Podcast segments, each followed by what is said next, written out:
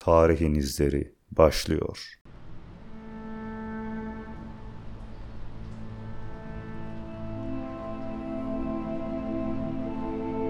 Türkoğlu ilçesine bağlı Kelibişler Mahallesi yakınlarında Domuztepe Höyüğü'nde doçent doktor Halil Tekin tarafından 2013'te Kahramanmaraş Müze Müdürlüğü koordinesinde başlatılan 2015'ten bu yana Bakanlar Kurulu kararıyla yürütülen kazı çalışmaları devam ediyor. Doçent Doktor Halil Tekin, Kahramanmaraş'ın aynı zamanda bir okçu kenti olduğunu saptadığını söyledi.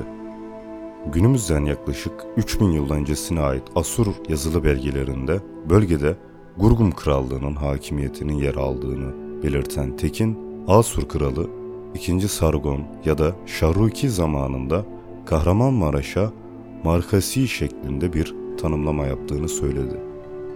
9000 yıllık seviyeye ulaştıkları Domuztepe'den oldukça geç bir zaman diliminde tarihlendirilen Markasi tanımlamasının önemine dikkat çeken Tekin şunları söyledi. Markasi, dil bilimlerine göre ok atılan alan, okun oğlu anlamına geliyor.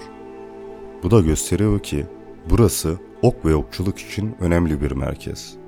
O yüzden Asur kralı da bizzat buraya bu ismi vermiş, biz Domuztepe höyüğünde bazı boyalı çanak çömlek parçalarının üzerinde ok atan kişiler gördük. Burada ok ve okçuluk eski bir gelenek, eski bir uğraşı alanı olarak karşımıza çıkıyor. Markasi'de okçuluğun bir semge olduğunu düşündüklerini dile getiren Tekin, burada bulduğumuz bütün topraklar eleniyor ve yıkanıyor. İçinde çok sayıda okucu da bulduk. Okçuluğun, sporun yanında aynı zamanda yaşam modeline uygun olarak avcılık da yaygın olduğunu gösteriyor, dedi.